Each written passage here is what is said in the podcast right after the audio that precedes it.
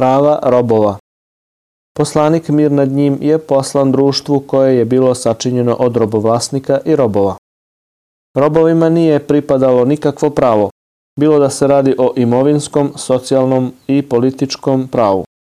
Poslanik mir nad njim je podigao njihov status i posticao je na njihovo oslobađanje, a i za takve postupke je obećao veliku nagradu. Jedan od poslanikovih mir nad njim saveta u pogledu robova bio je Bojte se Boga u pogledu onoga što posjedujete.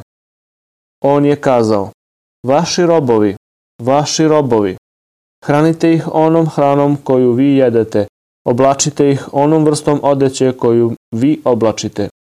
Ako urade neku neposlušnost koju vi ne želite da oprostite, prodajte ih, a nemojte ih mučiti.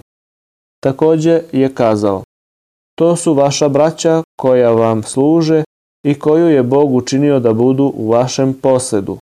Onaj koji bude imao svoga brata kao roba, onda neka ga hrani hranom koju on jede, a i neka mu daje odeću koju on oblači i neka ga ne opterećuje onim što ne može podneti, a ako ga optereti sa nečim što ne može podneti, neka mu pomogne.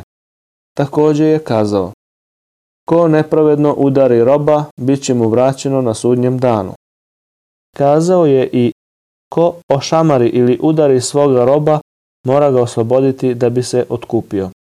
Poslanik mir nad njim je podsticao na oslobađanje robova kazavši Koji god musliman oslobodi drugog muslimana, on će mu biti otkupnina od vatre i bit će nagrađen za svaku njegovu kost.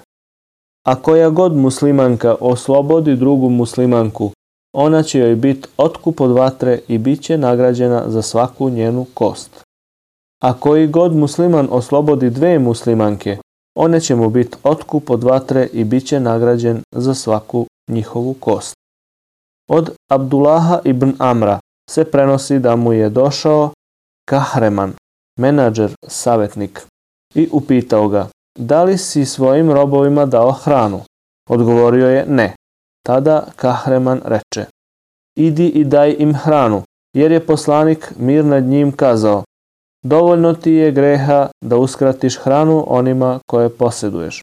I kazao je, Bog će kazniti svakog onoga koji bude kažnjavao ljude na ovom svetu.